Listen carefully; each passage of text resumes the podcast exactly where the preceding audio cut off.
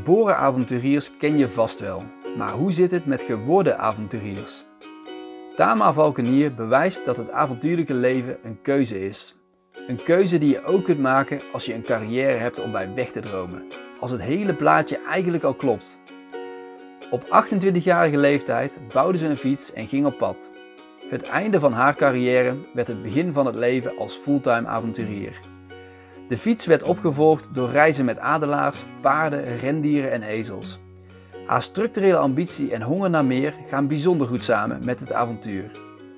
Waar ze voorheen, geteisterd door angststoornissen en paniekaanvallen, maanden in een rolstoel belandde, trotseert ze nu de wildernis en jaagt haar eigen eten bij elkaar. Maar komt haar liefde voor vrijheid met een prijs? Vergezeld door haar kameel Einstein, waarmee ze door Nederland trekt, raken we in gesprek.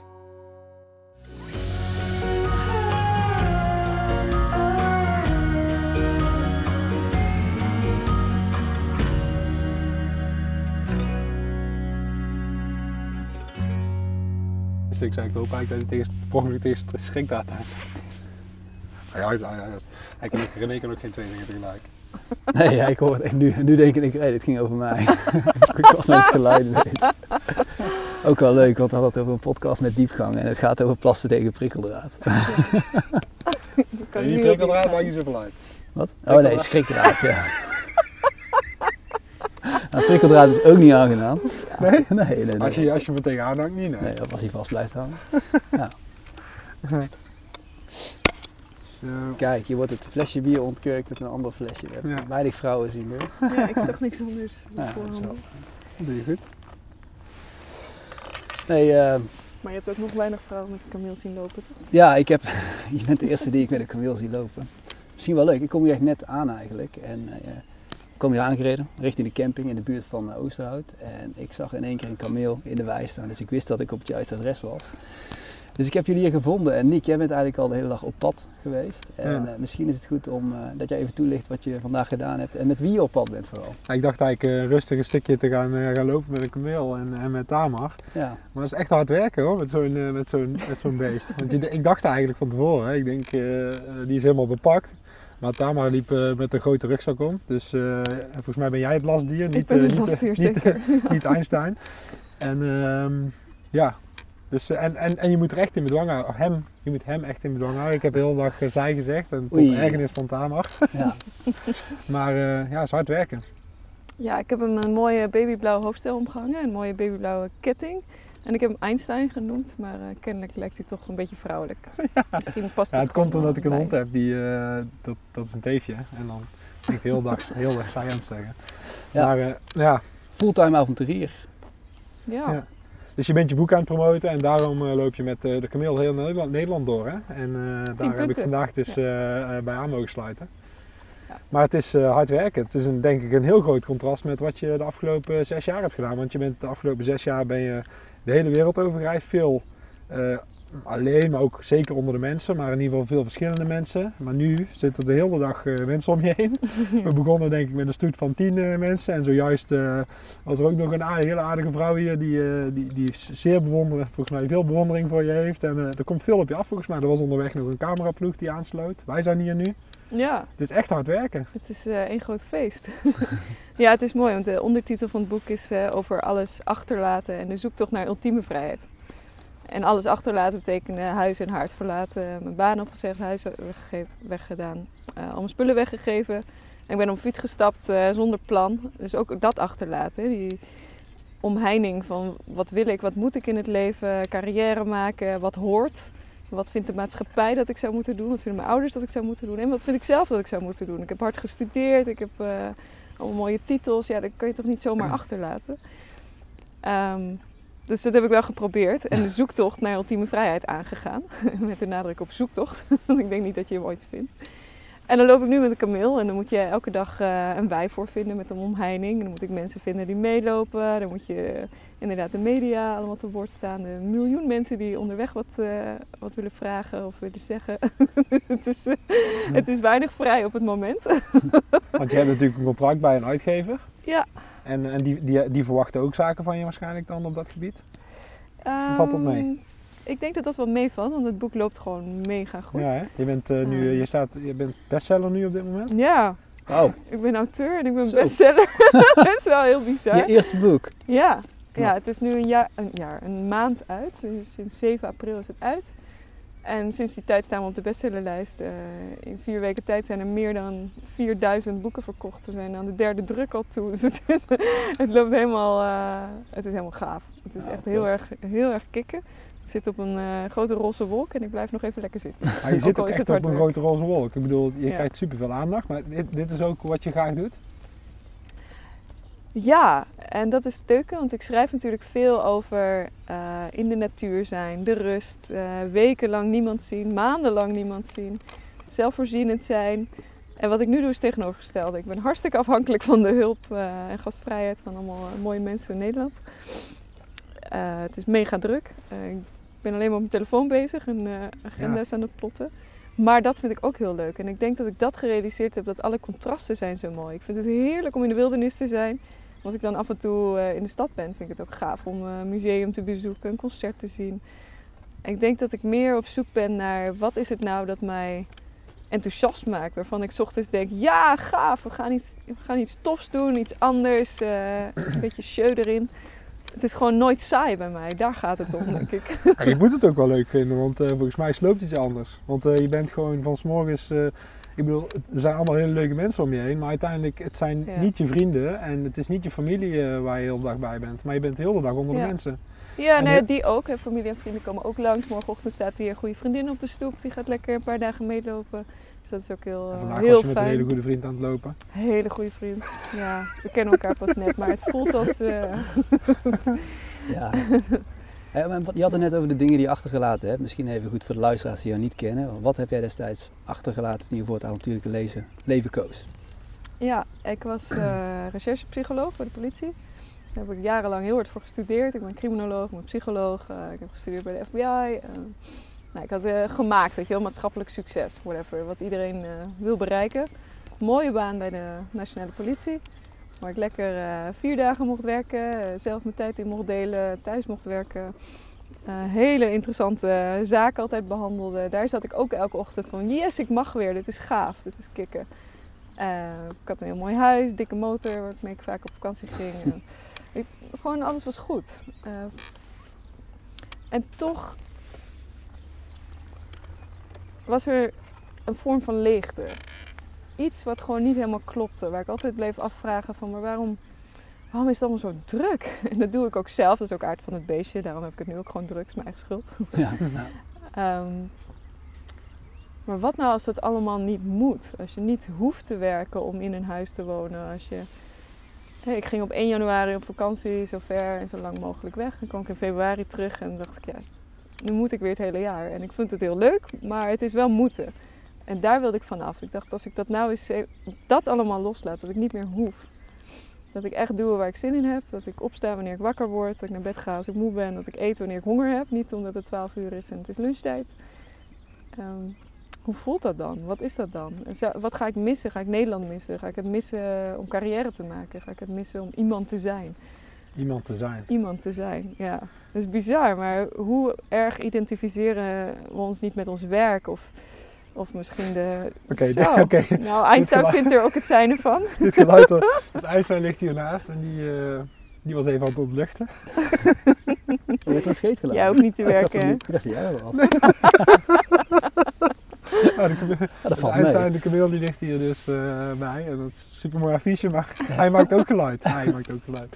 Ja, toch wel, hè? Jij Maar vroeg- was jij het niet die vandaag vroeger maakte hij ook geluid?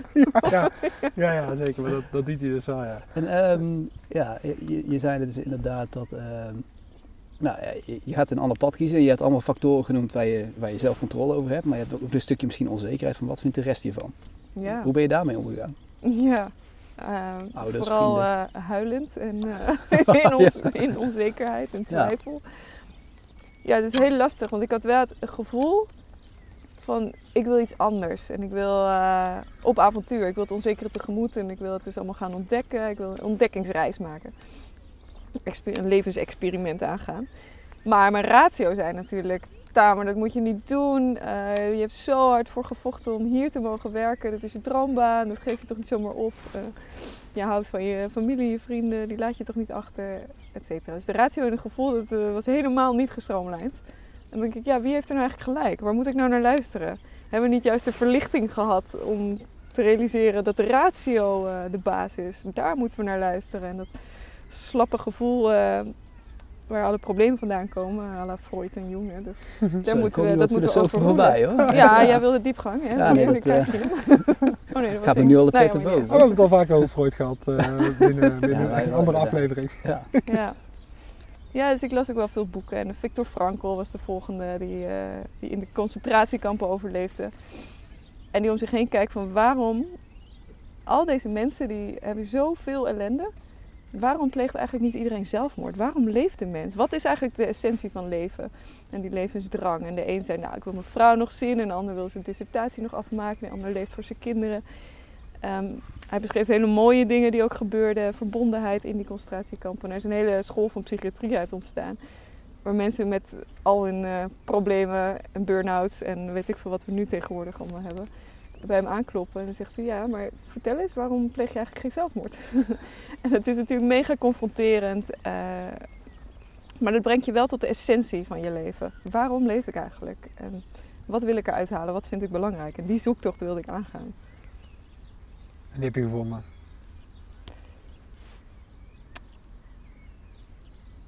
Weet ik niet. Ik ben in ieder geval wel heel veel dichterbij.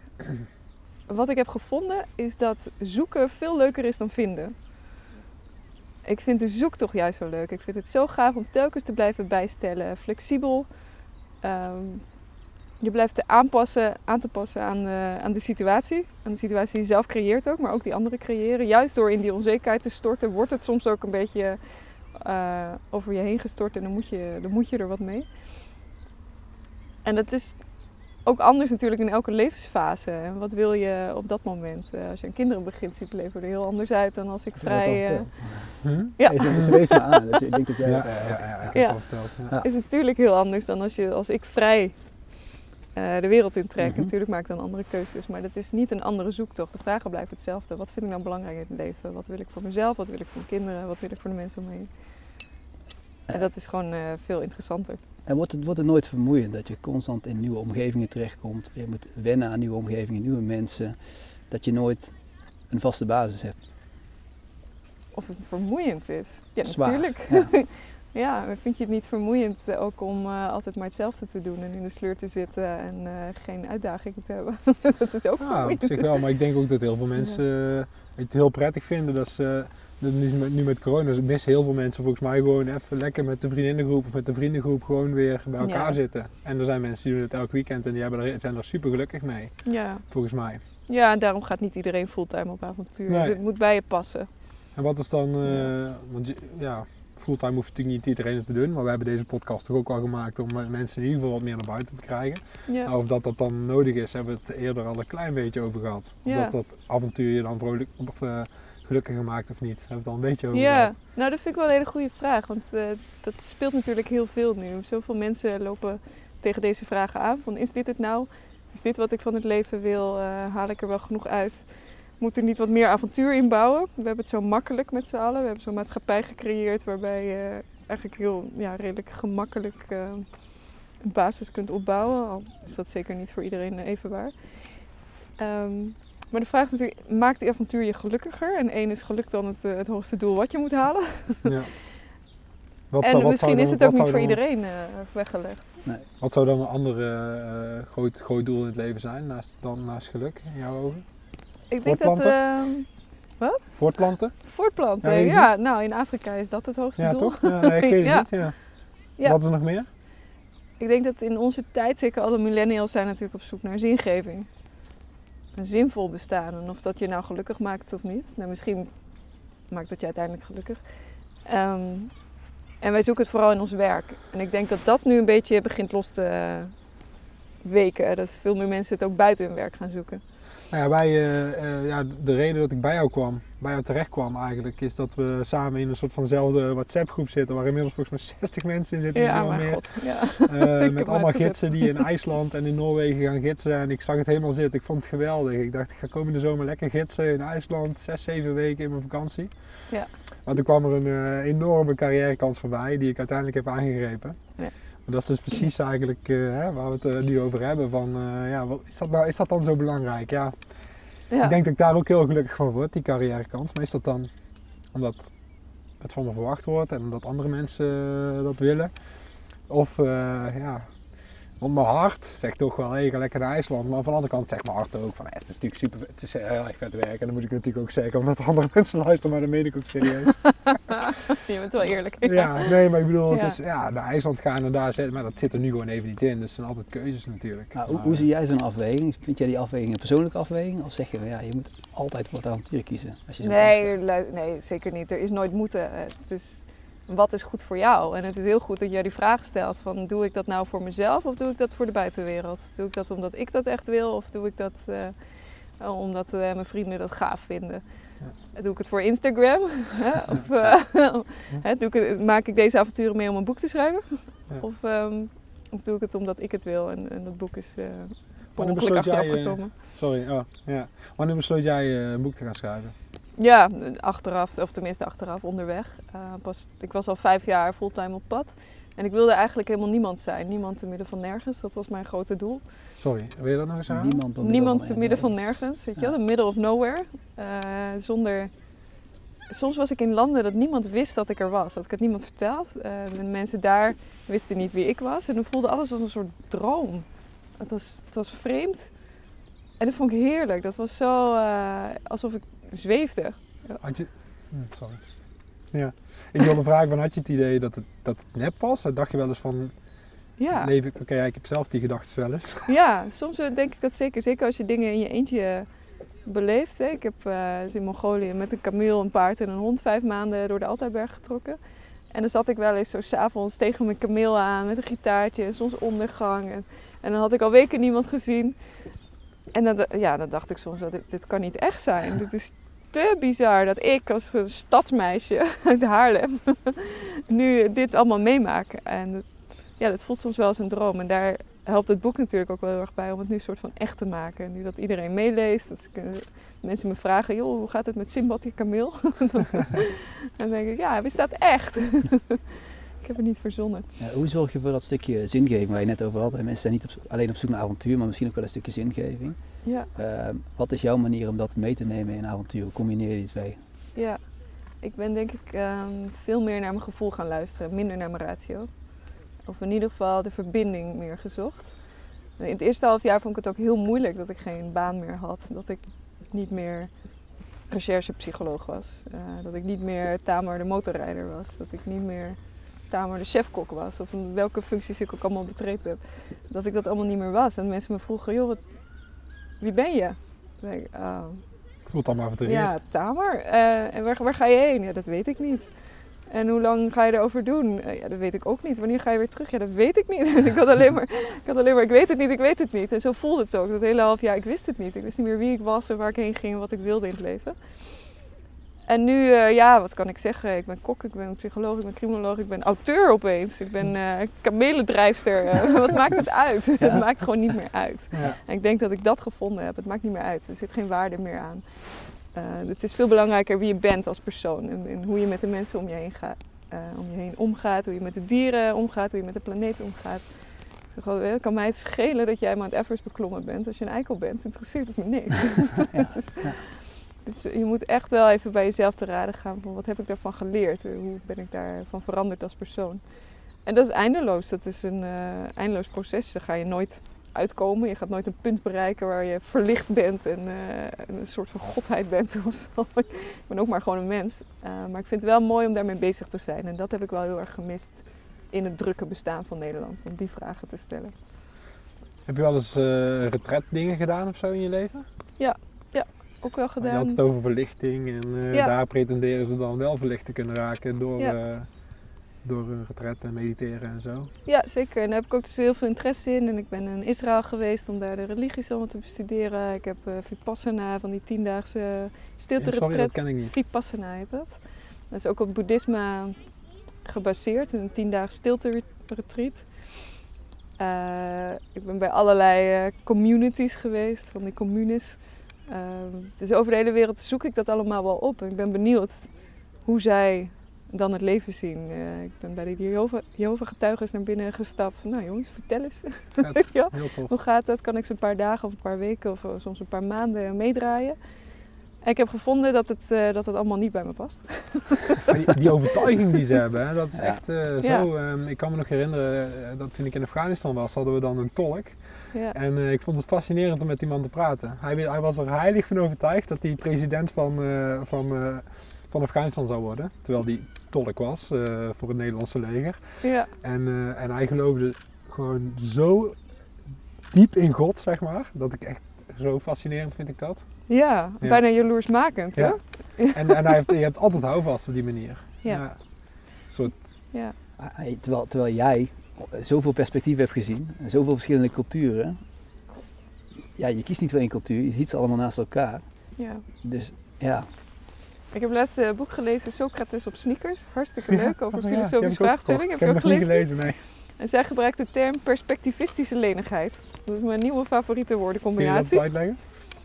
Ehm, ja, dat je dus lenig wordt eh, van alle perspectieven die je ziet. Dat je elk probleem, elk vraagstuk kun je van zoveel kanten bekijken. Want dan denk ik, goh, hoe zou de Maasai in Kenia daarover denken? Hoe zou die rijke zakenman in eh, de States daarover denken? Hoe eh, zou mijn vader in Haarlem daarover denken?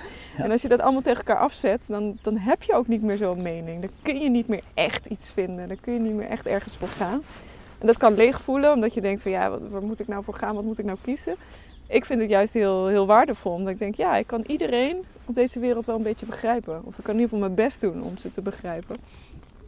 En ik hoef helemaal niet een mening te hebben. Dat vind ik heel bevrijdend. Ik, denk, Ja. ja, ik hoef het helemaal niet te weten. Ik vind het prima om het niet te weten. Misschien is dat wel een nieuw doel geworden.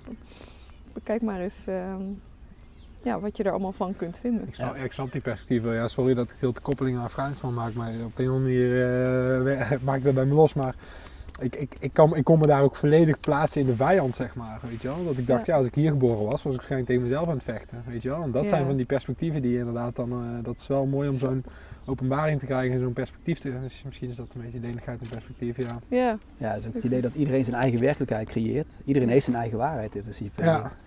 Er is niet één waarheid. Iedereen maakt zijn eigen waarheid. Dat is, Zouden we er ooit achter komen wat het, eh, waar, waarvoor we er zijn en wat, wat, eh, wat de zin is? En, eh, Nou, wat ik heb gemerkt is dat alle mensen op de hele wereld toch wel echt verbonden zijn op de een of andere manier. Dat we allemaal dezelfde drang hebben naar liefde en naar vrijheid. Ik denk dat dat voor mij de kernwaarden zijn die ik overal vind.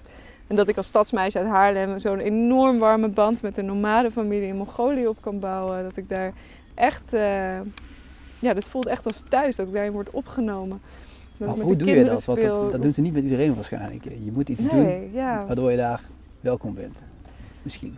Ja, nou wat ik heel erg doe en wat, ik, wat grappig is, wat eh, natuurlijk een link heeft met eh, hoe ik verhoortrainingen instak bij de politie, is, is rapport opbouwen en je en gewoon oprechte interesse hebben in de ander. Gewoon vertel eens, wie ben je? Waarom doe je wat je doet?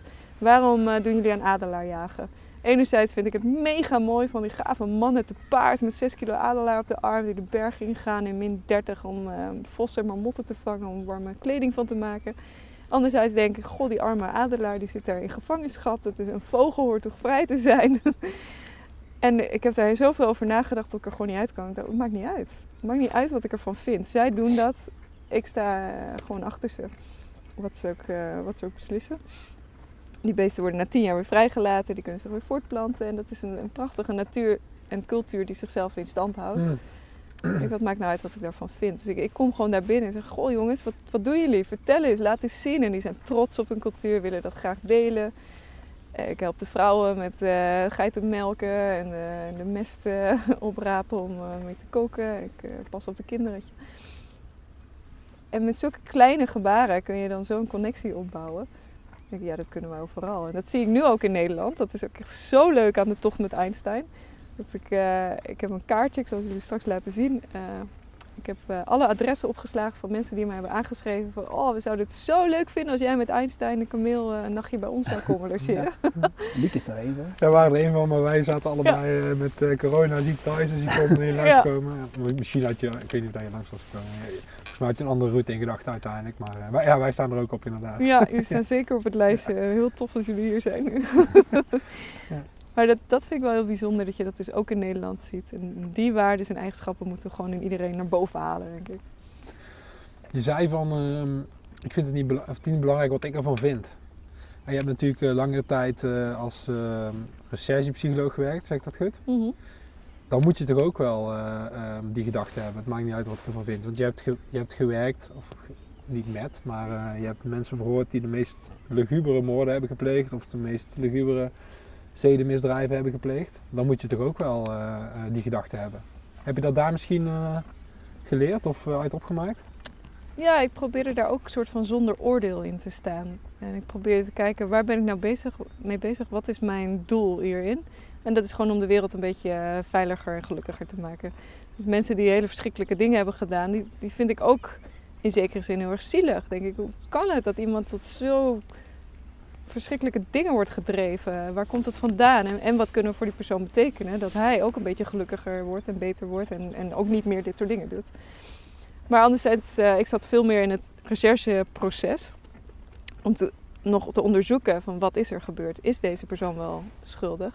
Is veel meer analytisch eh, gebeuren van wat hebben we allemaal aan bewijs en eh, hoeveel is dat waard. En dan maakt het niet uit of ik vind dat jij schuldig bent of niet. Dat, is, dat kun je helemaal loslaten. Het gaat gewoon om wat voor bewijs hebben we, hoe sterk is dat. Wat weten we over het geheugen van mensen, wat weten we over andere zedendelicten, et cetera. Oké, dus je hebt er ook niet echt een negatieve mensbeeld van gekregen. Nou, wat ik merkte is, eh, ik zat natuurlijk alleen maar te werken met de, de zwartste kant van de mens. En ik las ook de hele dag de krant en ik, eh, ik was goed op de hoogte van eh, alle ellende in de wereld. Ik had wel een beetje een negatief mensbeeld. En een negatief wereldbeeld in de zin eh, van wat we allemaal de planeet aan doen. Er is natuurlijk veel eh, over te doen tegenwoordig. En met dat beeld ben ik vertrokken en dat is helemaal verwaterd onderweg omdat ik zo ontzettend de goede kant van de mens heb gezien. De Rutger Bregmans eh, De meeste mensen deugen verhaal. Ja. kan ik me heel, heel erg in vinden. Ehm, er is zo vaak de mogelijkheid geweest om ontzettend misbruik van mij te maken in een kwetsbare situatie. Als vrouw alleen eh, onderweg. En dat is nooit gebeurd. Het is altijd het tegenovergestelde gebeurd. En ik heb zulke verschrikkelijk mooie plekken op de wereld gezien. Ik heb zoveel initiatieven gezien van mensen die met vluchtelingen werken, die ehm, de armen helpen. En denk, jeetje, wat is er schoonheid op de wereld? Waarom zien we dat niet op het nieuws? Want Ja. dat inspireert. En dat drijft mensen tot, eh, oh, ik wil ook iets goeds doen. En daar krijg je energie van. In plaats van altijd die negativiteit. Dan denk je, hè, gat van, ja, de wereld is toch maar ellendig. Wat maakt het ook uit? Ik koop nog een kilo knaller in de Albert Heijn. ja, ben je ook echt in oorlogslanden geweest of niet? Nee, nee, niet zo erg. Ik ben in Colombia geweest en dat vond ik interessant omdat eh Medellin was de, een van de meest gevaarlijke steden ter wereld, 20 jaar geleden, onder Pablo Escobar, de hele drugs ellende daar. En nu is daar heel veel geld gestoken in eh, openbaar vervoer naar de ergste buitenwijken, bibliotheken, eh, schoonmaken van de straten. Dus allerlei sociale bedoelingen. En dat is nu een hele fijne stad en ik durf prima in mijn eentje s'nachts over straat. Het is een wereld van verschil. En alle bewoners die, die proberen het je ook naar de zin te maken. Die zeggen, vertel alsjeblieft de wereld hoe fijn het hier is. En dat iedereen welkom is en dat ze mogen komen. Ja, terwijl iedereen het nog associeert met de Pablo Escobar en eh, Ja. drugskartels. En, eh, Ja. ja, het is dus een hele mooie bestemming. Ja. Oké. Maar ja, ik heb niet per se heel erg behoefte om in oorlogsgebieden Nee. te reizen. Ja, dat is ook niet per se heel leuk, ook kan ik je vertellen. Nee.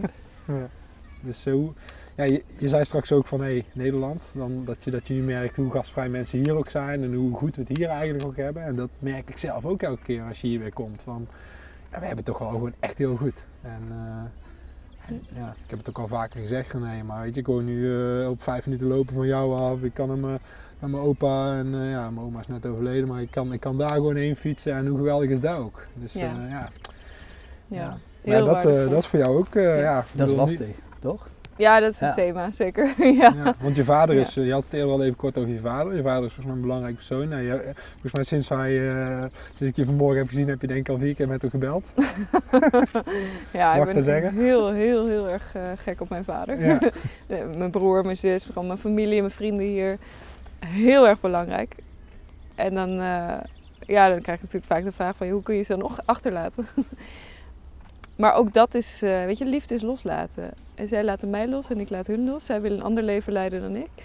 En als we elkaar zien is dat heel erg mooi en warm en liefdevol. En de deur staat altijd open. Zij komen mij wel eens opzoeken. Ik heb niet het idee dat eh, die relatie verslechterd is. Dat hoeft helemaal niet. En, en dat avontuurlijke DNA, zit dat ook in jouw vader of moeder? Nou, dat weet ik nog zo net niet.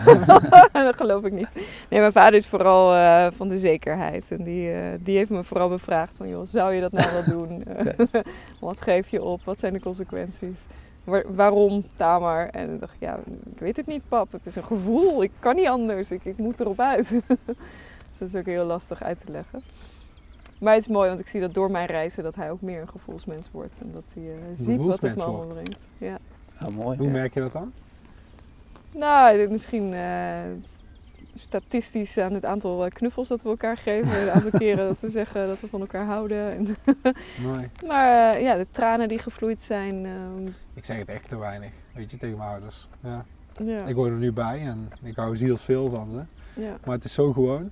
ja. En eh, weet je wel, even snel samen eten en dan, Ja. weer, en dan maar gewoon weer terug. En ja, sorry, Ja, maar vaak als toch, er iets misgaat, toch, als toch, iemand overlijdt, dan kom je er pas achter. Ja, ja. Ja, dus- dus maar misschien, en misschien weten ze het, maar ik, ik ga altijd weg met een gedachte van wat nou als ik niet meer terugkom?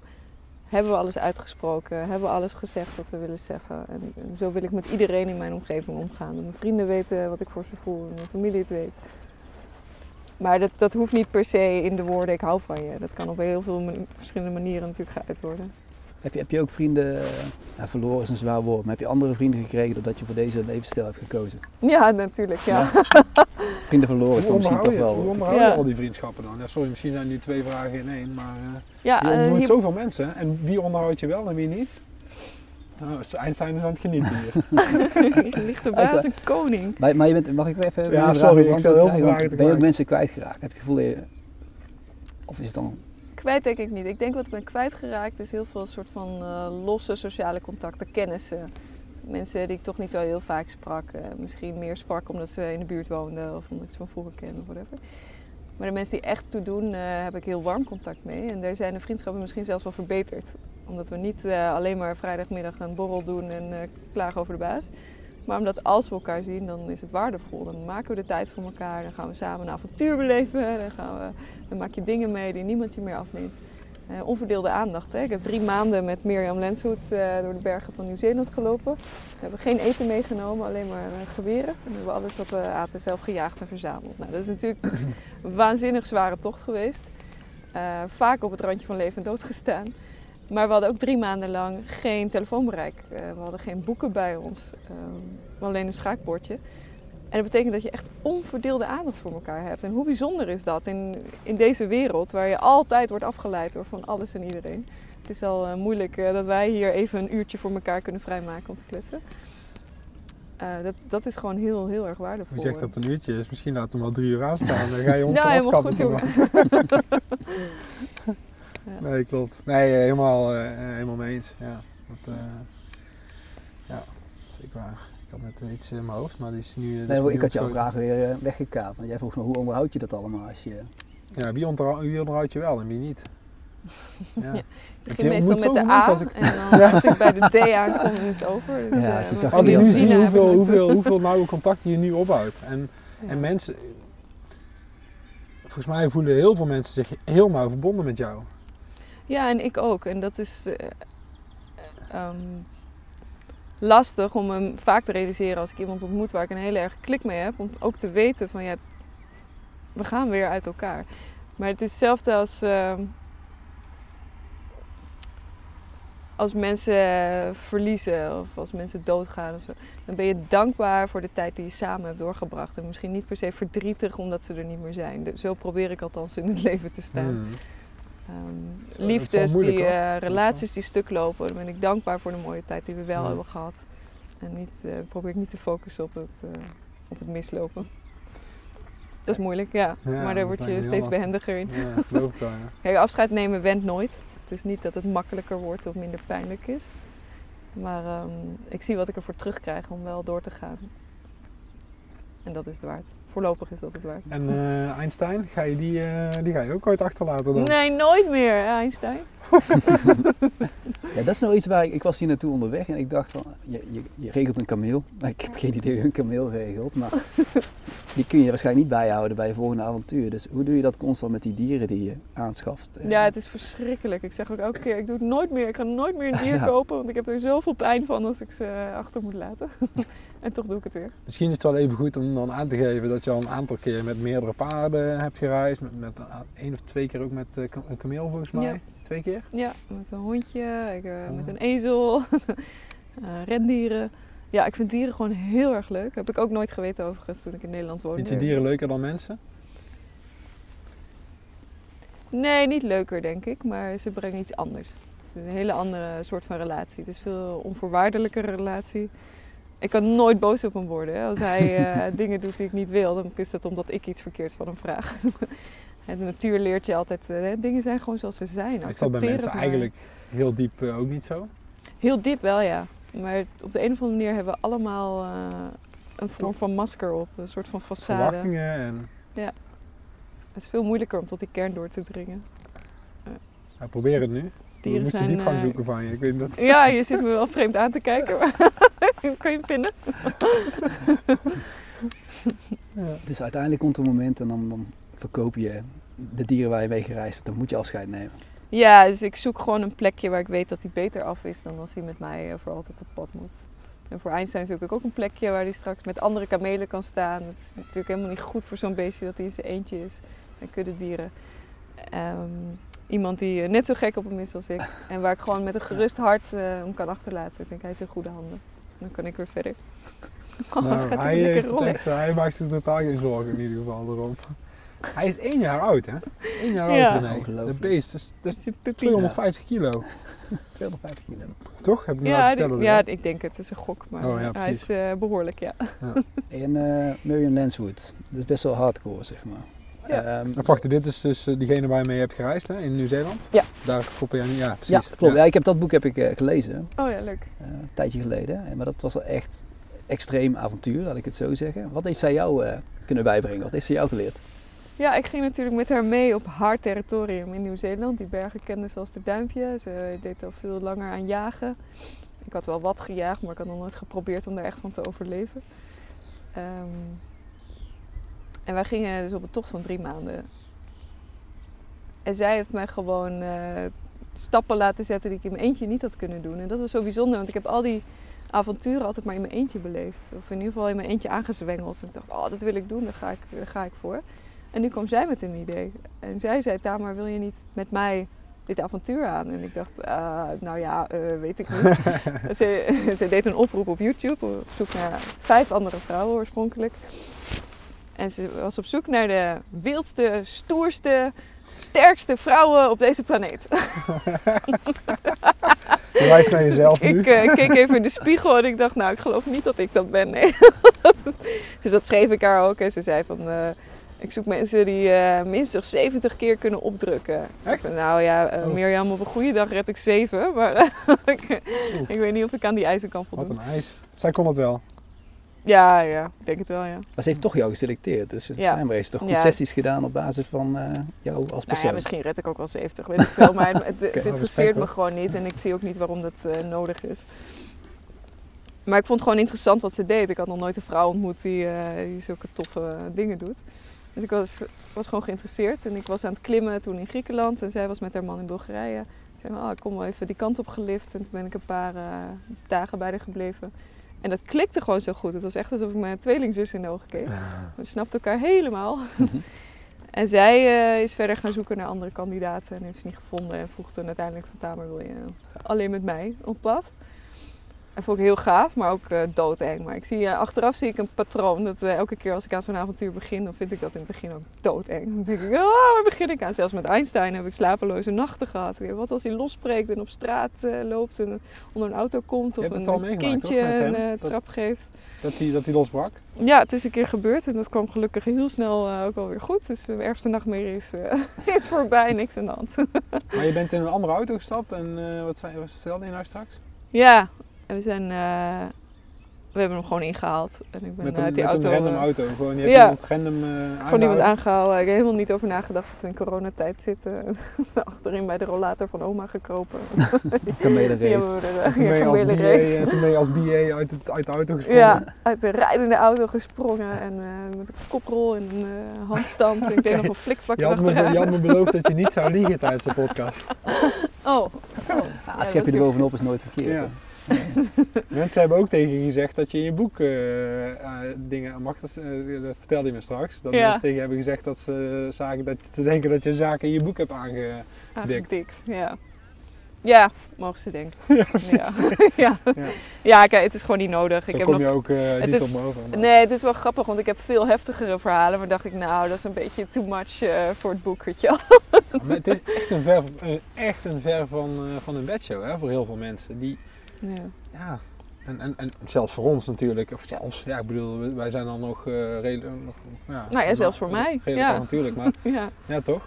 Ja. Maar je hebt nog extremere verhalen meegemaakt. nou, Had ik niet moeten zeggen.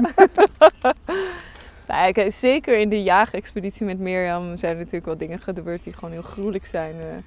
Bij de Maasai in Kenia hebben we een, een geit geslacht, hebben we de nek opengesneden, hebben bloed gedronken uit die nek terwijl het nog warm was. En zo. Dat zijn allemaal heftige dingen om zo even op papier te zetten. Dat moet je begrijpen vanuit de context waarin je bent. Zo'n cultuur die dat al miljoenen jaren doet. Eh, die dan een mooi bedje van kamferfoelie voor zo'n beestje wat maken. is die dat? dan, Kamferfoelie? ja, kamferfoelie is een plant die daar eh, groeit. Heel zachte blaadjes. Maken ze een lekker bedje voor hem. Slaapt ze zelf ook op. En dan worden er gebeden. En eh, dan gaan ze heel erg springen. Als dan een liedje zingen. En het is dan zo'n enorm prachtig ritueel. Een ceremonie. En dan, dan zitten zij zo allemaal dat bloed uit die nek te drinken. Ja. Dan zegt ze, Tamer, wil je ook? Het is jouw beurt. Ja, dan doe ik dat natuurlijk. Ja. Of een schaapslacht in Mongolië. Ik ben eigenlijk vegetariër, maar ja, in Mongolië kom je er niet aan om schapenvlees te eten. Eh, maandenlang gedaan. Ja, dan wil ik hem zelf slachten ook. Maar ja, dat is heel gruwelijk om echt met, met zo'n mes, eh, met alle kracht die je hebt, die keel door te moeten snijden. En dan, dan nog maar een paar keer, dat je zeker weet dat hij meteen dood is. En het bloed het spuit zoals een exorcism alle kanten op. En dat is verschrikkelijk, dat is afschuwelijk. Ik denk, ja, dat hoeft misschien niet allemaal eh, in het boek. Maar, dat- ja, het is wel gebeurd. Dat is misschien ook die theorie waar we net over hadden van het schakelen in perspectieven. Hier is het misschien, eh, ja, nou ja, wel, eh, je past er wel bij om, om vegetarisch te zijn in, in dit eh, Ja, we wereldje, hè, met de intensieve veeteelt, noem het maar op. Maar daar is de verhouding natuurlijk heel anders als je alleen in de natuur bent. Dus Ja. ja, ik kan me wel voorstellen dat je dat dan toch wel los gaat laten in, in een Ja, andere context. hun, eh, hun begrijpt het gewoon heel goed. Je kunt daar geen groente en fruit van houden. Het bestaat gewoon Nee, niet. Ze ja, hebben alleen maar hun kudde schapen en geiten. Ze doen dat... eh, ja, ze denken wel na over hoe ze dat doen. Eh, het slachten en ze gebruiken alles van het beest, bla bla. Maar het interessante was, die, die adelaarjagers in de Altaibergen, die slachten een schaap op de Kazak manier. Dit zijn moslims, dus die wordt de keel doorgesneden. Maar de Mongolen en de rest van het land, die snijden een dier terwijl ze nog leeft de buik in. En steken hun hand naar binnen en trekken dan de slagader kapot. Ah ja, Oh, dat vond ik wel een beetje heftig. Maar toen ik het zo zag doen, was plop, plop, plop, was klaar. oké. En dat was eigenlijk veel vrediger dan dat bloed dat maar alle kanten op spuit en zo. En die gasten in Kenia, de Maasai, die zeiden van nou, dat vinden we barbaars. ja, Wij verstikken het beestje. En dan is uh, al die rituelen en zo, waardoor het beest helemaal rustig was. En een hand over de mond en de, en de neus. En kijk maar, hij spartelt niet eens. Hij geeft zijn leven gewillig aan ons.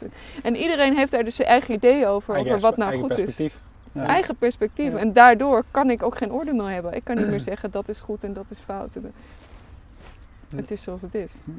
Maar ik heb wel hier eh, van de week eh, tegenover een varkensstal geslapen. Waar die beesten de hele nacht werden ingeladen om naar de slag te gaan. En ik heb de hele nacht naar dat gekrijs van die varkens zitten luisteren. En toen, toen dacht ik de volgende dag wel van, nou, ik geloof dat ik even de bacon laat staan eh, vandaag bij het ontbijt. Ik kan me herinneren dat we vroeger kippen gingen laaien bij eh oom samen met mijn neef en Stef. En dan, ja, dat is ook de guber inderdaad. Dus, eh, dan wo- worden kippen in die, in die kooitjes geduwd en dan worden die kooitjes dichtgeduwd. En dan, en dan schiet het er af en toe nog wel eens een keer een pootje vanaf. En die moeten dan nog die vrachtwagen in. Ja, dat is echt super naar. Maar ja, goed, uiteindelijk, ja. Ik eh, ben geen haar beter, want die kiloknallers, ja, die gaan er ook bij mij gewoon in de koelkast in. Ja, Echt waar? Ja, helaas wel, ja. Oh jee. Je had echt de hele dag een reputatie opgebouwd en ik zie nu in één keer gewoon dit Het gebeuren. is klaar. Het is klaar, ja. Nee, ja. Ik weet niet wat het is. Ja. ja. Maar ik ben er wel, ehm, ben er wel mee bezig. Flex, flexitariër. Ja, ik Nee, ik vind het wel, ik vind het wel belangrijk, maar ik vind mijn portemonnee ook belangrijk. Maar nu, dat komt ook wel omdat ik langere tijd geen, lange tijd geen inkomen had. En dan ja, dan denk je toch, ja, die ene druppel op die hete plaat. Maar eh, ja, nu, nu heb ik wel wat inkomen en nu ben ik er wel bewuster mee bezig. Maar eh, het is lastig hè, van eh, ja, Mag, mag ik maak ik de wereld nou beter als ik... Mhm. ja, sorry, misschien... Nee, nee, ik, wil, ik wilde gewoon een bruggetje maken, want wel wat over inkomen. En dat is natuurlijk wel eh, vaak een excuus dat gebruikt wordt voor mensen die op avontuur willen. Is, ja, het is veel te duur om de Mount Everest op te lopen, dus ik ga niet mee. Ja. Ben jij bewijs dat je met heel weinig geld toch heel veel gave dingen kunt doen? Ja, maar, Ja, nee, maar nu maak je eerst al eh, de assumptie eh, dat dat met weinig geld is. Maar laten we dat dan eerst even Ja, nee, dit, dit is met heel weinig geld. Ja, oké. Ja, Nou, ik leef dat- eh, officieel ver onder de Maar je armoedegrens. hebt wel een kameel, je hebt wel een, je hebt wel een kameel gekocht. Ik heb wel een waanzinnig kameel gekocht. Even Ja. advocaat van de duivel, hè? sorry dat ik je misschien voor Nee, helemaal maar niet voor wel duivel. Nee, dat is eh, terecht. En dat, en dat Zeker. is geen eh, een paar honderd euro, ik weet het al. Maar eh, ja, Ja, nee, ik heb, iedereen mag het weten. Ik heb 4000 euro voor Einstein eh, betaald. En dat, eh, dat waren de laatste cent op mijn rekening, dus die is leeg. ja. Een cash camel noemen we dat. Ja, Maar ondertussen ben je wel bestseller, bestselling author nou. ja, Dus ja dat, nou ja, met eh, een boek verdien je niet zoveel hoor. Dus dat, ik, heb, hem- ik heb hem er nog niet uit, maar eh, we zijn goed op weg. Ja. Ehm, ja, en het zit hem erin. Het zit hem in het consuminderen. Het feit dat jij in een huis wil wonen, beslist alles. Dat ik heb gezegd van nou, dat hoeft even niet. Ik ga gewoon eh, lekker een tijdje in een tent wonen of in een shelter of zo, maakt niet uit. eh, in de stal. Ehm, dat maakt groot verschil. Dat maakt echt alle verschil. Het is zelfs zo dat als ik nu denk, eh, als ik weer aan het werk zou willen, dan kan ik me helemaal niet veroorloven. Dat betekent dat ik weer ergens moet wonen. Dan moet ik waarschijnlijk een autootje hebben. Dan moet ik misschien eens wat nette kleren kopen. Dan moet ik een telefoonabonnement aanschaffen. Ja. Hoe verschrikkelijk duur is het om te mogen werken? Zo heb ik er nog nooit tegenaan gekeken. Dat is zo grappig. ik kan het niet betalen. Ja. Ja. En, en dus eh, het eerste jaar dat ik fietste van Haarlem naar eh, Istanbul, lekker door Europa getoerd, heb ik op eh, 1800 euro geleefd. Dat gaf ik voorheen makkelijk uit in een maand. Ja. En alleen maar eh, zelfs aan vaste lasten. Dus dat maakt het aller, allergrootste verschil. En on- ondertussen weet ik eh, nog meer over wat je kunt eten uit de natuur, waardoor ik eh, weinig boodschap hoef te kopen. Ik ben natuurlijk ook zuinig. Ik, ik wil helemaal niet veel spullen hebben, want ik moet allemaal in een rugzak meeslepen. Wat hebben we dan wel nodig in die rugzak? Nou ja, ik heb, ik heb één broek, één paar schoenen, twee paar sokken, twee paar onderbroeken, twee onderbroeken. Ehm, ja, niks. Ik heb een sheltertje. Je moet wel ergens droog kunnen zitten. Dus een Regen is in de zin van je hebt een wifi bag of Ja, ik heb een biffyback en een zeiltje nu mee. Ja. Als het echt eh, zomer is, dan heb ik ook niet eens een matje. Een slaapzak is prima. Ja, je slaapt niet op een matje. Hm. Ja, nu wel. want Het is nog te koud, maar eh, dat gaat Hey, snel. Einstein. eh, hey, vriendje. Zijn komt Er komt verandering in. Even gehaaid worden. Iets om water mee te zuiveren. Ik heb wel een mega grote EBO-kit mee, omdat ik soms gewoon maanden eh, en honderden kilometers ver van een normaal ziekenhuis ben. Eh, een satelliettelefoon heb ik bij me, omdat ik, vooral omdat ik wil weten als er iets met mijn vader is. Als er iets met eh, geliefden is in deze wereld, dat ze mij kunnen bereiken. Hoe... Zou je direct terugkomen? Ik bedoel, Ja. ja, Maar je kunt ook niet direct terug. Nee, maar daar zou ik wel mijn best voor doen. Ja. Ja, geen twijfel over mogelijk. Eh, de avontuur is niet meer waard dan eh, liefde voor eh, familie en vrienden. ja. En, en ziet het er anders uit over, ja, volgens mij leef je echt in de momenten, hè? jij plant geen tien jaar vooruit waarschijnlijk, maar denk je dat dit een fase is in jouw leven? Het zou zomaar kunnen. Ik heb laatst eens de optelling gemaakt. Ik ben zeven jaar eh, kok geweest in allemaal mooie restaurants. Ik ben eh, zeven jaar bezig geweest met recherchepsychologie. en ik ben nu ruim zes jaar eh, aan het avontureren. Dus bent nog een misschien, misschien is dit mijn laatste jaar. Je was zeven jaar kok tijdens je studie of zo, of hoe moet ik dat zien? Ja, ik Ah. ben eh, op mijn vijftiende begonnen in de keuken. Hm. Heel snel opgewerkt en ik had onwijs naar mijn zin. Ik dacht, ik ga de beste kok van Nederland worden. En daarnaast een beetje gestudeerd zo. Het En geluid is nog ik, steeds Einstein trouwens voor de mensen die Ja, die is ook een beetje aan het niezen. Oh, ja. Eh, Oké, dus nog een jaar heb je. Ja, misschien. Wat, en ga dat je, dat is- je, wat zou je... Je hebt nu een toverstaf en je hebt je boek even niet. Je hebt nu, en je mag nog maar een jaar. Je mag echt nog maar een jaar. Zo. Wat gaat er dan gebeuren? Goeie vraag. Ik zou sowieso veel tijd met mijn vader doorbrengen. Nou, ik bedoel niet een jaar leven, maar dat mag ook hoor. Oh, jouw leven? Oh, dat bedoel je niet. Wat nee, bedoel je ik bedoelde eigenlijk, eh, maar dat is ook misschien wel mooi. Oké, je, zou, je zou veel tijd met je vader doorbrengen. Ik bedoelde eigenlijk, je mag nog een jaar eh, avontu- op avontuur. Oh, ik mag nog een jaar op avontuur. Nou, waar ik het eh, komende jaar naar zit te kijken is om IJsland te ontdekken. Ik wil puffins zien, die gekke vogels. Ik heb eh warme contacten met een rendierherdersfamilie in Siberië, waar ik graag mee eh, de migratie mee wil maken. Een maand lang met hen meemigreren, in hun huid kruipen, begrijpen wat ze doen, hoe ze het doen. Niet letterlijk dan, zoals eh, Berg Jos dat, dat, dat doet, Ja, maar in de figuurlijke zin. Ja, in de figuurlijke zin. En dan mijn eigen rendieren kopen en daarmee de taiga's ingaan. Eh, ik zit te kijken naar een oversteek van het Baikalmeer, het grootste meer ter wereld. op schaatsen heb ik net de Mm, hele winter voor getraind in Lapland. Maar ja, weet je, eigenlijk maakt het gewoon niet meer uit. Ik heb echt na al deze avonturen, vooral het avontuur in Mongolië, dacht ik, joh, het is, het is volmaakt. Het leven is gewoon helemaal goed. Ik ben helemaal gelukkig en alles wat er nog komt is bonus. En dat is vrijheid, denk ik. Het maakt niet uit of ik nou eh, morgen mijn benen verlies en eh, in een rolstoel in Haarlem eh, weer in een flatje kom vastzitten. Ben ik nog steeds gelukkig. Maar toch is er een grote kans dat er nog eh, 50 jaar bonus is. Nou, ik hoop het. ja, dat is best wel leuk zo. ja, en dat is wel de grote ommezwaai geweest. Toen ik vertrok dacht ik, ja, poeh, ik vind het leven toch wel zwaar. Het is ook heel leuk, maar ik vind het ook allemaal wel moeilijk. Eh, als ik nog eens mocht kiezen, dan had ik misschien liever niet geboren willen worden. Maar nu we er zijn, maken we er maar het beste van.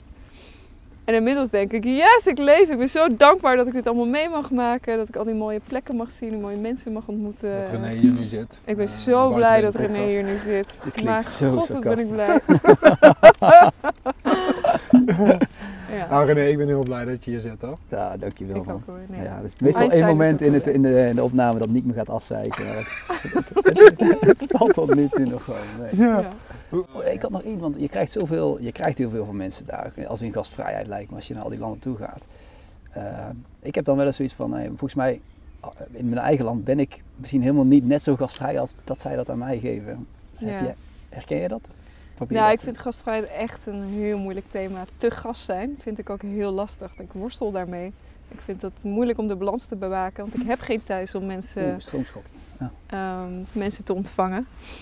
Dus ik doe daar ook heel veel voor om, eh, om genoeg terug te geven. en dat is wel mooi. Ik liep met, eh, met een paar vrienden door Kenia vorig jaar. En er wonen mensen in hele kleine leme hutjes. Het is er donker binnen. En die staken gewoon overal een kop naar binnen. En, eh, en de camera haalden ze eruit. En al die kindjes werden gefotografeerd. Ik zei, wat zou je er nou van vinden als zo'n Keniaan door eh, Amsterdam loopt en eh, bij jou even naar binnen kijkt en, eh, en je kind op de foto zet? Ja, Vinden wij dat dan ook oké? En zeggen we dan ook, oh kom eens binnen, wil je lekker eh, thee drinken of zo? nee, waarschijnlijk niet. Nee, dat is zo anders. En dat vind ik wel een soort van chockerend. Eh, hè, ik ontvang nu heel veel gastvrijheid hier, maar ook wel omdat ik Nederlander ben. Was ik een buitenlander geweest die geen Nederlands praat, had- was ik heel anders ontvangen. Je hebt een mooi verhaal Ja. en een mooie beest bij je. Ja, ja, je hebt wel een verhaal inderdaad. Ja. Onze Einstein opent natuurlijk een heleboel deuren. Nou ja, mensen, je maakt echt indruk op mensen, hè? maar dat, besef je dat? Nou ja, ja, ik weet nu word ik inmiddels wakker met eh, elke ochtend eh, krijg ik, ga ik minstens tien mailtjes door van mensen die zeggen, oh wat geweldig wat je doet, je inspireert me zo. dat, is, dat is ook heel awkward, het is heel raar. Ehm, maar zo zijn er ook heel veel mensen geweest die mij hebben geïnspireerd en mij hebben geholpen. En ik mag hopen dat dat boek ook een beetje een ode is aan al die mensen. Wat, wat, wat Die zijn je mij, grootste eh, inspiratiebronnen? Nou, één mijn vader natuurlijk die mij heeft geholpen over al die angststoornissen heen, over paniekaanvallen. Hoe ga je de angststoornissen? Ja, behoorlijk. Ik was enorm claustrofobisch. Ik durfde niet in een eh, bus of een lift. Ik durfde helemaal niks. Ik, eh, ik heb zulke psychosomatische klachten gehad dat ik drie maanden in een rolstoel heb gezeten. Dat ik niet wist of ik ooit nog zou lopen. Zo. En mijn vader heeft me daar allemaal doorheen gegidst. Je gaat er wel even heel snel overheen, maar je hebt drie maanden in een rolstoel gezeten. Ja. Ja, en weet je, ik denk dat iedereen in onze tijd eh, heeft zo zijn eigen demonen. We hebben natuurlijk heel veel burn-outs om ons heen. Nou, dat was eh, mijn rolstoelverhaal, is een soort van vorm van burn-out. Ehm, er zijn gewoon heel veel psychische klachten om ons heen. En hoe ga je daarmee om? En, en, mijn reis heeft me dat gegeven omdat ik veel meer naar mijn gevoel ben gaan luisteren. Wat, wat wil ik nou eigenlijk? Wat vind ik belangrijk? En uh, waar kan ik niet tegen? Wanneer ben ik overprikkeld? We vergeten dat we allemaal overprikkeld zijn. Juist door pas uh, weken in de natuur te gaan. En dan kom ik terug in de stad en denk ik... Oh, wat heftig, al die geluiden, al die geuren, al die mensen, al die... Wauw. En dat, uh, het is goed denk ik om er af en toe even helemaal uit te stappen om je dat weer te realiseren. Einstein doet even een plasje op de achtergrond. ja. Maar uh, ja, dat, dat is uh, die overprikkeldheid, ja. Klopt. Ja, dat is wel maar een nu, behoorlijk thema. Als ik nu naar jou kijk, wat, je, wat ik nu op één dag maar met jou meemaak, dan denk ik van, nou dan moet je toch ook wel overprikkeld raken. Ja, dat ben moment. ik ook. Ja. ja, dat ben ik zeker. En dan dit er nog bij. Ja. Ja. Ja, dat is lastig. Want zelfs als al die dingen heel leuk zijn, ja, kun je nog steeds wel overprikkeld zijn. En heb je dan nog de energie voor de dingen die je echt belangrijk vinden? Ja. Hoe bewaak je dat? Dat is een ingewikkeld thema. Maar vroeger zouden mensen dus nooit dit achter jou gezocht hebben, dat je dit leven hebt gekozen. Nee, ik met, niet. Met nee. angstaanvallen, paniekaanvallen. Nee. nee. Maar we hadden, we hadden net uh, Einsteins uh, geluid op de achtergrond. En ik had je al even voorbereid. Uh, we, vragen, we, vragen, altijd onze gasten van wat, wat is het geluid dat jou het meest aan avontuur doet denken? Ja. Je hebt er al een beetje over nagedacht, toch? Ja, nou, het eerste wat er gewoon meteen in me opkwam, was het geluid van een uh, knorrende jak. Eigenlijk een, uh, het klinkt gewoon als een varken. En ik, toen ik de eerste week net op pad was met mijn eigen paard, en kameel en een hond. En ik, ik kon maar net paardrijden, ik wist niks van kamelen. Ik had een hondje ergens gevonden. En ik sliep in mijn tentje ergens op die steppes van Mongolië. En ik voelde snuit gewoon door het tentdoek zo in mijn hoofd drukken. en, en, dat beest maakt het geluid van een varken. Zo. en dat, dat is het geluid van avontuur voor mij. Dat ik dacht, Jezus, waar ben ik? Wat gebeurt hier? Waar ben ik mee bezig? Uh, waarom doe ik mezelf dit aan? Maar wat gaaf is dit en wat stoer dat ik hier ben en ik het wel heb gedaan. Uh, een knor in de jak. Hoe vaak moet je niet die gedachte hebben gehad van uh, wat ben ik aan het doen en waarom, wat doe ik mezelf aan? Ja.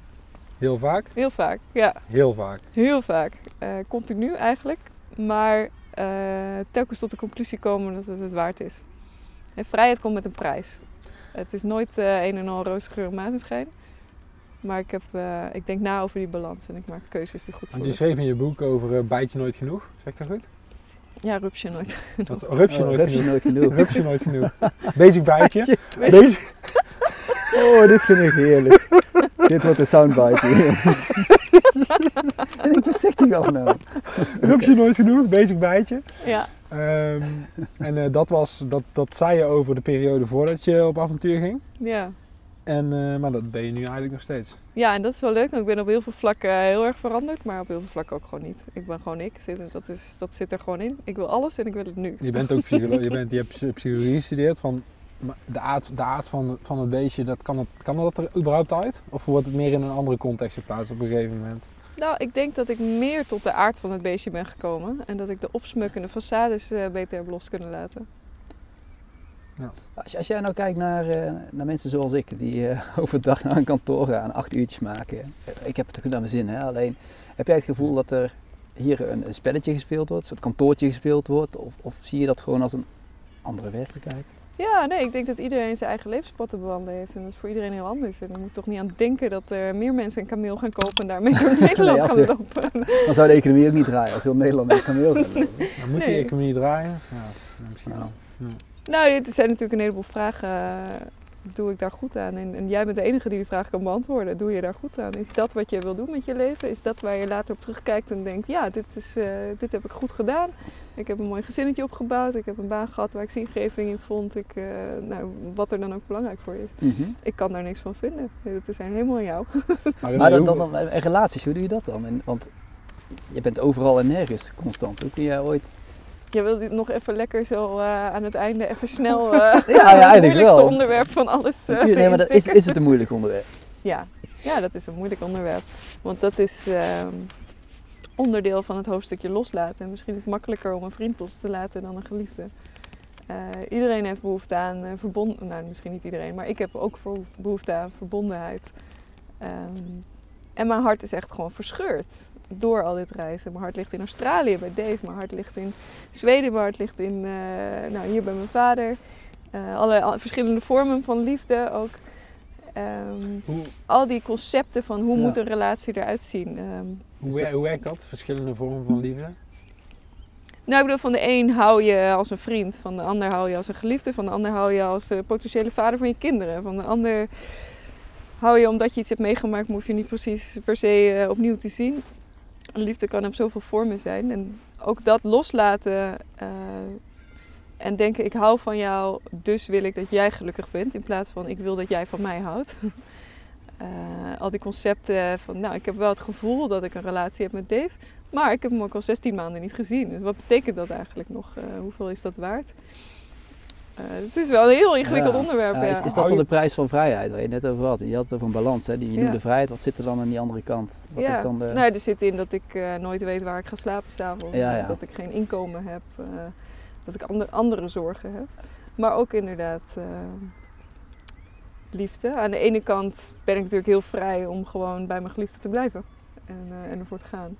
Maar mijn liefde voor vrijheid is misschien nog wel groter dan mijn vrijheid om lief te hebben. Je hebt het over loslaten. Hou je wel contact? Ja, zeker. Ja, ik, dus eigenlijk laat ik helemaal niet los. maar ik hou vast op een andere manier. ja. Onze, je had al één vraag gesteld, het geluid. En de andere vraag is echt een inkopper in jouw geval. Nou ja, misschien, niet. misschien ja, niet. lijkt me wel. Ja. De vraag stellen is hem in dit geval beantwoorden. Ja. Misschien wel. Vind jij jezelf een buitenbeen? Ja, ja, daar kan ik niet onderuit. ik zat even na te denken hoe ik daar uh, onderuit kan wormen. Maar dat, uh, ja. Heel letterlijk natuurlijk, omdat ik gewoon uh, alleen maar buiten ben en daar heel erg van geniet. Ik krijg een zenuwen van muren en een plafond en een tikkende klok. um, ik ben natuurlijk anders dan anderen, maar ik ben wel heel, heel erg sociaal gericht. Ik vind mensen wel het allerbelangrijkste op deze wereld. Uh, ik vind het heel mooi om die connectie te leggen met wie dan ook op de wereld. Ook als het mijn vijand is of iemand waar ik niks mee heb, heb ik toch interesse. Goh, vertel eens je verhaal, laten we een avond een biertje drinken. Uh, maar ja, buitenbeen, dat, uh, dat lijkt me een feit. Had je nog over drie nummers nagedacht voor de Buitenbenen Music Playlist? Of was je nog niet zo ver? Ja, ik ben er nog niet helemaal uit. Okay. het, het themanummer van Mongolië was Wild Horses van Natasha Bedingfield. Wild Horses, I Wanna Be Like You. Um, de rest moet ik nog even over nadenken, ja. De rest nog. Ja. Zijn wij nog uh, dingen vergeten? Nou, Nick. Oké, okay, er is iets uh, wat ik vandaag gemist heb. Nee, ja, weet ik niet. We kunnen uh, heb, ik, uh, heb ik iets gemist? Nee, nee. nee. Nee, ik weet niet. Ja, ik er is nog zoveel meer over alles te ja, het zeggen. Is heel fascinerend. ja, het is fascinerend. We proberen over het algemeen uh, René is nog even door zijn... Uh, ja, door ja, zijn, maar ik Door volgens mij je aantekeningen aan deze. in de auto ik geschreven. Was, ik was eigenlijk wel benieuwd. Hand aan het stuur, super Ik was eigenlijk wel Ja, benieuwd. echt? Oh. Talent heb jij, jongen. Nou ja, kijk René kan wel twee dingen tegelijk. René kan wel twee dingen tegelijk. Ja. Nee, Wat, uh, mij, ja. wat voor sporter ben jij? Sporter. Ja, Dat is een leuke, ja. Want ik ben eigenlijk helemaal geen sporter. Ik was ook helemaal niet sportief. En toen ik, ik ben dus begonnen met een uh, fietsreis. En uh, ik ging een week voor vertrek ging ik naar Amsterdam fietsen, 20 kilometer, zonder bepakking. Ik was kapot. Ik was helemaal uitgeput. Ik heb de trein teruggenomen. Zo ben ik ooit uh, ben ik zes jaar geleden begonnen. En dat is onderweg is dat heel snel opgelost. En binnen een paar weken fietste ik 100, 120 kilometer met bepakking over bergen. En zijn natuurlijk helemaal uh, losgegaan. Nu loop ik uh, met zware rugtassen tientallen kilometers. Dat is allemaal geen probleem meer. Maar ik, doe, ik zie het niet als sport. Ik denk dat dat uh, de grap is. Ik zou het ook heel moeilijk vinden als ik weer ergens zou wonen om dan naar buiten te gaan om te gaan sportfietsen. Sporten. Ik, het is voor mij een manier van leven, een manier van verplaatsen. Ik vind het heerlijk om super fit te zijn en zware dingen te doen en mezelf te pushen. Maar toch zie ik het niet als sport. Ik denk dat daar toch iets anders in zit. Dit is avontuur. Hm. Ja, misschien nog een uh, slotvraag. Als er nog uh, luisteraars zijn die graag op avontuur ik willen. Ik mijn lijstje kijken. Want tot, ik heb nog helemaal niet op mijn lijstje gekeken. Tot nu toe ging het gewoon helemaal vanzelf. maar wat is jouw tip voor mensen die het ook graag op avontuur willen? Om, om ze over die drempel te krijgen.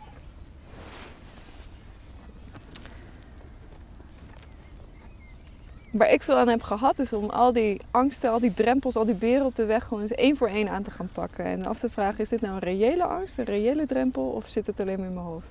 Ja, maar ik kan nooit vrij krijgen van mijn werk. Is dat zo? Ga eens vragen. Probeer het eens. Uh, ja, maar dat durf ik niet. Ja, nou en? Met angst gaat het ook. Uh, ja, ga ze gewoon allemaal één voor één te lijf. En als je al die kleine stapjes maakt, opeens ben je er. Ik ging gewoon lekker een stukje fietsen en opeens sta ik in Turkije. Uh, gewoon opeens sta ik in Turkije. Nou, maar zo voelde het echt. Ja, ja, ik, ik, ging de Bosporus over. Ik dacht, huh?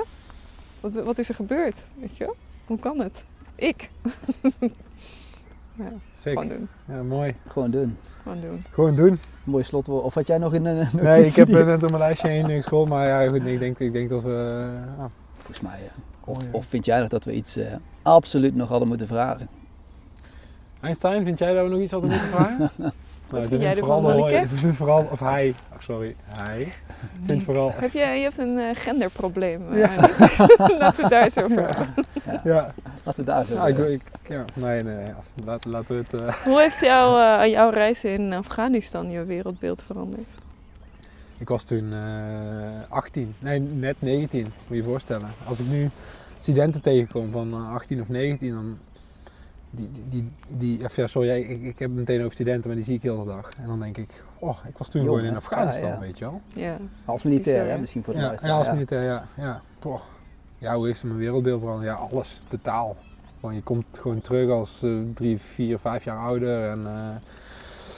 Uh, um, ja, de kloof, ik had toen een hele goede relatie volgens mij. En uh, de, kloof, de kloof tussen haar en ik uh, was, was opeens super groot.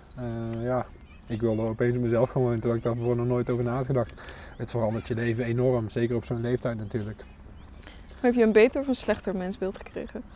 Mensbeeld? Hmm.